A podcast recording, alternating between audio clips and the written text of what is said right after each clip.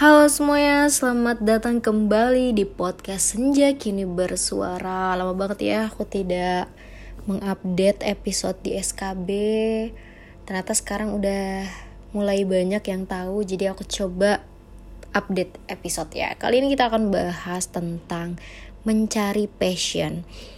Tentang kesalahan ya, kesalahan aku dulu dan sepertinya banyak orang ya yang melakukan kesalahan ini. Jadi kesalahan yang nggak kita sadari dan yang belum aku sadari dulu aku tuh mencari passion dengan cara bercermin ke orang lain. Jadi maksudnya gini, kalau ngelihat temen yang bisa nyanyi kayak gitu, aku, aku tuh pasti kepikiran, aduh pengen deh punya suara yang bagus kayak gitu. Terus lihat lagi nih temen yang bisa desain misalnya terus yang ada di pikiran tuh malah duh kok aku nggak bisa desain ya pengen deh jadi dia yang bisa desain terus misalnya buka commission buka commission kayak gitu bisa dapat uang dari situ. Dan kayaknya kan di zaman sekarang peluang cuan peluang pekerjaan dari desain tuh bagus banget ya. Maksudnya lagi orang-orang semua kan lagi butuh banget tuh kemampuan itu. Dan begitu seterusnya gitu banyak terkait misalnya ngelihat penulis ngeliat orang-orang bisa nulis ngeliat orang-orang yang yang bisa ini bisa itu gitu. Nah salahnya itu di situ gitu aku bercermin ke orang lain gitu. Aku mencari kelebihan tapi ngelihatnya di orang lain bukan digali ke diri sendiri gitu. Padahal ketika digali ke diri sendiri itu baru bener kayak gitu. Itu ketika kita melakukan hal itu gitu baru ketemu sebenarnya kita tuh bisanya apa. Ini kesalahan yang dulu aku lakuin dan akhirnya aku sadari gitu. Setelah aku mulai sadar tuh aku jadi bisa melihat akhirnya mataku tuh mulai terbuka gitu. Oh ternyata aku tuh bisa loh gini. Aku ternyata bisa loh gitu gitu. Karena selama ini yang aku lihat mataku cuma ngelihat keluar doang gitu. Mataku cuma ngelihat apa yang orang-orang punya doang. Padahal ketika aku mau ya, maksudnya mau atau berani untuk menutup telinga dan menutup mata dari dunia luar dan mencoba menggali ke dalam diri sendiri, itu justru malah dapat gitu.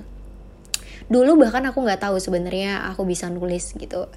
Ya sekarang juga aku nggak ngerasa pinter nulis sih, cuma ya bisa lah, mulai bisa lah, upgrade lah sedikit-sedikit. Tapi itu dulu tuh nggak pernah kepikiran sama sekali, SMA nggak pernah kepikiran sama sekali aku pengen jadi penulis. Bahkan dulu aku tuh jauh banget dari yang namanya buku. Orang tua nggak pernah yang namanya beliin aku buku segala macam bisa makan di hari itu aja tuh udah syukur gitu. Kayak nggak mikirin ah, beliin anaknya buku gitu ya. Kecuali buku pelajaran ya maksudnya kayak buku-buku bacaan gitu tuh nggak pernah jadi aku nggak kenal sama yang namanya buku. Baru kenal buku itu waktu kuliah itu juga udah berapa tingkat 2 semester 3 semester 4 gitu. Dan itu juga nggak banyak. Aku bahkan bisa baca satu buku tuh sampai tiga bulan. Nggak selesai-selesai. Karena ya karena kurang suka gitu. Belum belum terbangun kesukaannya terkait dengan buku. Terus uh, akhirnya pas sudah mulai baca gitu kan. Terus aku juga kan termasuk orang yang overthinker ya. Jadi aku di da, uh, sampai di suatu titik gitu. Overthinking aku tuh bikin aku overwhelmed banget. Jadi kayak udah penuh banget isi di kepala tuh. Kayak aku harus mengeluarkan apa yang ada di kepala gitu ya. Cuma bingung mau cerita ke orang kok nggak nemu ya temen yang tepat gitu. Temen yang selalu bilang atau yang pernah bilang kalau ada apa-apa cerita ke aku ya. Di malam itu tuh pas aku chat mereka mereka bilang maksudnya kayak lagi sibuk lah lagi nggak bisa kayak gitu jadinya kayak malam itu aku nggak punya teman gitu untuk cerita. Akhirnya aku mencoba untuk mulai menuangkan apa yang ada di pikiranku ke dalam tulisan. Dulu tuh cuma story story aja gitu kayak uh, kalau misalnya kamu follow Instagram aku ada di highlight storyku itu quotes 1, quotes 2 dan quotes 3 itu adalah tulisan-tulisanku di dua tahun dua atau tiga tahun yang lalu lah. Itu biasanya aku nulis nulis kayak gitu kalau misalnya lagi sedih kayak gitu. Justru justru uh, lucunya dan uniknya adalah ketika aku ngerasa sedih di situ tulisanku jadi punya rasa gitu dan kelihatan banget tulusnya. Dan sekarang aku ngerasain banget bahwa tulisan itu adalah tempat terbaik untuk menyimpan kenangan soalnya kalau misalnya aku lagi gabut gitu ya, aku sering banget buka-bukain lagi highlight story aku aku sering bukain arsip story aku gitu dan bacain tulisannya. Kalau aku baca tulisan itu aku jadi inget lagi gitu. Dulu pas aku nulis tuh aku lagi ngalamin apa ya kayak gitu. Jadi tulisanku tentang penolakan gitu gitu tuh ketika aku baca lagi aku jadi inget oh iya ini dulu waktu aku ditolak daftar bem nih kayak gitu. Oh iya ini waktu aku di, dulu ditolak uh, pas daftar komunitas di kampus nih kayak gitu. Kayak dendamnya tuh masih ada gitu. Ya padahal nggak boleh dendam ya. Nggak sih sekarang udah nggak dendam sih. Tapi tuh kayak dulu tuh ngerasanya aduh gue harus balas dendam nih karena ditolak gitu. Tapi ternyata itu juga salah sih. Nggak bagus juga sih kalau nyimpen dendam. Oke okay, back to topic. Aku malah balas dendam dibahasnya ya itu uh, terkait dengan tadi ya passion. Aku sering banget dapat pertanyaan kayak gimana sih cara nemuin passion? Gimana gimana? Ternyata tuh cara nemuinnya tuh ya dengan mencoba segala hal aku pernah nyoba bikin komunitas gitu kayak pengen dong jadi founder gitu. Waktu itu kan kayaknya rame banget tuh founder ini founder itu gitu kayak berasa keren gitu sebutannya. Kalau kalau di biodata tuh ada founder gitu. Tapi ternyata berjalannya waktu aku ngerasa oh aku menemukan gitu bahwa oke okay, aku belum siap gitu untuk jadi atau membuat mengelola satu komunitas sendiri. Terus juga aku pernah nyoba jualan dulu waktu SMA itu kan kayak seru ya ngelihat orang-orang buka all shop terus dapat uang jajan tambahan gitu dari situ. Tapi ternyata aku nggak bakat juga. Waktu itu aku jual apa? Jual kos kaki sama ini hand shock kayak gitu. Tapi nggak nggak lama. Ada yang beli ya tapi yang teman-teman doang. Karena nggak ngerti gimana cara ngelola bisnisnya jadi ya ya udah gitu-gitu doang. Udah tuh. Ternyata aku ngerasa dan menemukan oh ternyata nggak cocok gitu untuk bisnis.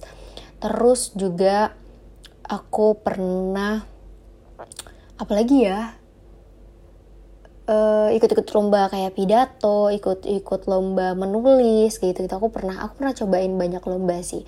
Nah ternyata ketika aku ikut pidato gitu, terus aku ikut lomba-lomba menulis menulis belum pernah sih. Aku pernah ikut lomba menulis aku belum pernah aku ikut lombaan gimana sih bahasanya aku belum pernah ikut perlombaan menulis karena waktu itu aku belum pede karena aku ngerasa tulisanku tuh bukan tulisan untuk dilombakan gitu karena tulisanku tulisan bebas cuma buat menuangkan isi pikiran doang kayak gitu.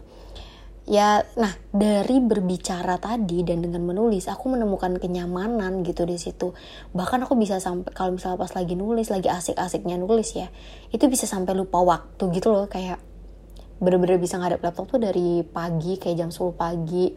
Breaknya cuma sholat zuhur makan sholat asar gitu. Abis maghrib tuh kayak gitu tuh lanjut lagi ngadep laptop gitu. Kalau pas lagi kayak dan tanda kutip kayak gila-gilanya nulis gitu. Lagi banyak lagi dapat banyak inspirasi tuh bisa sampai kayak gitu. Nah dari situ aku tuh baru baru baru nyadar tuh oh ternyata aku tuh mungkin fashion aku bisa dibilang di, di bidang menulis dan berbicara gitu ya. Entah itu berbicara dari segi public speaking atau berbicara uh, dari orang ke orang gitu maksudnya kayak personal. Aku seneng ngobrol sama orang lain bisa sampai deep talk gitu aku seneng banget seperti itu. Nah, tapi waktu itu aku belum mengenal bahwa ada yang namanya profesi content creator. Sampai sekarang bahkan banyak sekali kayaknya orang-orang yang bercita-cita jadi content creator ya. Kayak tergoda sama yang namanya endorsement gitu kayaknya terkenal terkenal gitu. Kayaknya orang melihat atau terlena dari sisi itunya gitu. Jadi dulu waktu aku memutuskan untuk menekuni menulis pun belum ada motif ke sana gitu jadi pure pure aja cuma mungkin kayak sarana terapi aja gitu ya. Sarana terapi apa yang ada di pikiranku biar plong akhirnya aku tuliskan. Eh berjalannya waktu ternyata aku duh aku pengen ku seriusin nih gitu. Akhirnya barulah di tahun 2020 awal aku mulai menekuni menulis. Hampir tiap hari sih waktu itu aku usahain. Cuma kadang kalau memang pas lagi nggak sempet ya ya udah gitu. Nggak pak nggak ngepost. Tapi kalau misalnya pas sudah ada waktu mulai nulis lagi dan ngepost lagi. Sampai berjalan 2 tahun sampai hari ini berarti ya. Awalnya aku gak mau terjun di TikTok. Kayaknya orang-orang justru malah lebih banyak tahu aku dari TikTok ya. Karena sepertinya audiens aku lebih besar di TikTok. Aku nggak ada pikiran sama sekali mau ke TikTok awalnya cuma karena dikenalkan sama teman aku aplikasi TikTok maksudnya kayak mulai tahu nih oh ternyata TikTok nggak isinya nggak cuma joget-joget doang kok. Ada kok yang emang beneran edukasi gitu. Bahkan makin ke sini makin beragam ya kontennya jenis kontennya kayak gitu. Di situ aku mulai ngelihat oh, ada peluang besar nih di TikTok gitu. Dan ternyata setelah berjalan kurang lebih hampir setahun dari aku mulai TikTok itu tahun 2020 November Oktober akhir kalau nggak salah. Dan sekarang kan berarti udah udah setahun ya udah mulai masuk bulan November sampai akhirnya audiens aku sekarang ada 100 alhamdulillah. Alhamdulillah. Sekarang audiens aku udah 130 ribuan. Dan gak apa ya gak nggak ke, ya kepikiran sih. Maksudnya aku juga punya salah satu goals aku bisa sampai audiensnya lebih dari seratus ribu gitu. Tapi kayak tetap aja ngerasa ngerasa ini bener gak nih? gitu ini bener gak nih Shirley yang sekarang punya audiens yang sebesar ini punya potensi untuk influence orang sebesar ini gitu? Kadang aku masih mempertanyakan diriku sendiri karena masih kalau aku kadang kalau orang nanya kak gimana biar nggak males? dan segala macam gitu aku kayak aku juga masih sering males. Gitu. Maksudnya aku nggak tiap hari rajin juga ya namanya siklus siklus kehidupan manusia ya. Kadang ada emang waktunya kita semangat semangatnya kadang emang lagi males-males banget jadi ya begitu uh, ceritanya kurang lebih kayak gitu sih perjalanan menuju Shirley menjadi Shirley yang sekarang. Yang mau aku sampaikan tadi sih terkait dengan kesalahan ketika mencari passion. Karena aku sering banget nemu orang ketika mereka pengen nyari passion itu tuh mereka bercerminnya ke orang lain gitu. Jadi tuh mempertanyakan diri sendiri gitu jadinya. Jadi kayak kok mereka kok dia bisa ya percaya diri? Kayak gitu. Kok dia bisa ya um, punya suara bagus. Kok dia bisa ya bikin konten yang masuk FYP gitu gitu misalnya. Nah, kesalahannya tuh di situ. Seharusnya atau sebaiknya sih, nggak harus juga, tapi sebaiknya cobalah untuk menyesuaikan dengan kondisi kamu tuh seperti apa. Kamu tuh karakternya yang kayak gimana. Kemarin pas webinar aku dapat salah satu pertanyaan, "Kak, aku tuh orangnya introvert tapi pengen deh jadi orang ekstrovert kayak itu." Loh, justru kalau aku malah menyarankan jangan switch. Maksudnya kalau memang itu karakter kamu ya nggak masalah gitu. Mungkin yang kamu pengen itu percaya dirinya kayak gitu, pintar ngomongnya kayak gitu ya. Karena introvert dan extrovert itu tuh sebenarnya bukan tentang pinter ngomong. Orang-orang kayaknya sekarang tuh banyak yang salah pengertian gitu. Padahal introvert dan extrovert itu adalah bagaimana seseorang nge-recharge energinya ketika lagi capek gitu tuh untuk ngembaliin energi itu dengan cara apa. Kalau introvert itu ngembaliin energinya dengan cara menyendiri me time gitu sekedar di kamar aja gitu misalnya ngelukis dan segala macam pokoknya me time lah. Tapi kalau orang extrovert itu bisa nambah energinya ketika bertemu dengan orang banyak. Bedanya tuh di situ. Dan introvert tuh bukan berarti introvert tuh pasti pemalu tuh enggak. Introvert pasti nggak bisa ngomong tuh enggak. Banyak contoh nyata. Kayak Kak Hayom, Kak Hayom Satrio bilang kalau beliau itu introvert dan bahkan dia sekarang punya audiens besar juga di TikTok. Bang Raditya Dika, dia juga bilang bahwa dia introvert. Uh, beliau introvert gitu ya dan beliau sekarang punya audiens yang besar dan karyanya juga banyak bahkan sering show kayak gitu show stand up comedy dan segala macam jadi tuh itu semua tuh skill yang sangat bisa untuk dipraktekkan. Tapi tadi kuncinya, jangan bercermin ke orang lain dulu gitu, tapi gali ke dalam diri sendiri dan coba sesuaikan deh apa yang bisa kamu lakuin dengan karakter kamu yang seperti itu. Gak usah dipaksain gak apa-apa. Misal ya, karena aku kan memang kebetulan aku misalnya, misalnya kalau di aku sendiri aku extrovert, jadi aku mencoba menyesuaikan nih. Aku tipe orang extrovert, suka ketemu orang, nah dengan berbicara cocok dong, karena dengan berbicara kan pasti ketemu orang banyak gitu. Nah kalau misalnya kamu introvert atau misalnya kamu, let's say kamu pemalu lah dan udah berusaha banget untuk ngelawan pemalu ini tapi kayaknya susah banget. Kayak emang gak bisa deh mau gimana pun. Loh ya nggak apa-apa. Mungkin kamu bisa berkarya atau mungkin kamu bisa eh, atau passion kamu itu sesuatu yang tidak mengharuskan kamu untuk tampil gitu. Misal jadi editor. Editor nggak harus tampil di depan layar loh. Kemudian atau mungkin jadi penulis penulis juga nggak harus tampil di depan layar. Atau kamu jadi engineer gitu kan gak masalah gak masalah banget gitu. Jadi kalau memang eh, memang ngerasa karakter kita itu memang seperti itu dan udah dicoba gitu udah berusaha untuk untuk um, mencoba keahlian-keahlian yang lain gitu mencoba hal-hal baru. Karena yang tadi ya kayak rumus memang nyari fashion tuh emang coba banyak hal. Dan ternyata nggak works juga di kamu. Kamu ngerasa tetap susah banget dan kayak emang nggak bisa. Ya silakan cari hal-hal yang memang bisa disesuaikan gitu dengan karakter kamu yang seperti itu. Nggak harus kok kita nggak harus ketika kita ngelihat orang keren itu tuh nggak harus kita untuk menjadi dia juga gitu. Kayak aku ngelihat penyanyi tuh keren banget. Tap dan aku pengen punya lagu misalnya. Tapi aku nggak harus jadi penyanyi untuk bisa punya lagu gitu. Bisa aja aku yang menulis liriknya dan collab sama penyanyi misalnya kayak gitu. Misalnya kayak mbak Nana kayak mbak Najwa kan mbak Najwa Shihab dia punya lagu sama efek rumah kaca yang dijadiin uh, soundtrack di tiap akhir mata Najwa gitu. Tapi Mbak Najwa nggak nyanyi tapi dia yang bikin liriknya kayak gitu. Dan akhirnya collab sama efek rumah kaca dan jadilah jadilah lagu uh, Rahim Ibu. Seperti Rahim Ibu kalau nggak salah judulnya. Gitu gitu. Jadi kamu tuh tidak harus mencari dan bercermin ke orang lain atau bahkan ini bisa dibilang kayaknya kesalahan deh kesalahan banyak orang ketika mencari passion. Jangan bercermin ke kemampuan orang lain tapi cobalah gali ke dalam diri sendiri kamu tuh orang yang seperti apa dan apa yang bisa kamu lakukan, hal apa yang bisa bikin kamu nyaman. Tingkatkan self awarenessnya, tingkatkan kesadaran dirinya, coba di ketika mulai mencoba melakukan hal baru gitu ya, misal kamu atau mungkin memang ada kepengenan nih uh, pengen nyoba jadi content creator misal kayak gitu.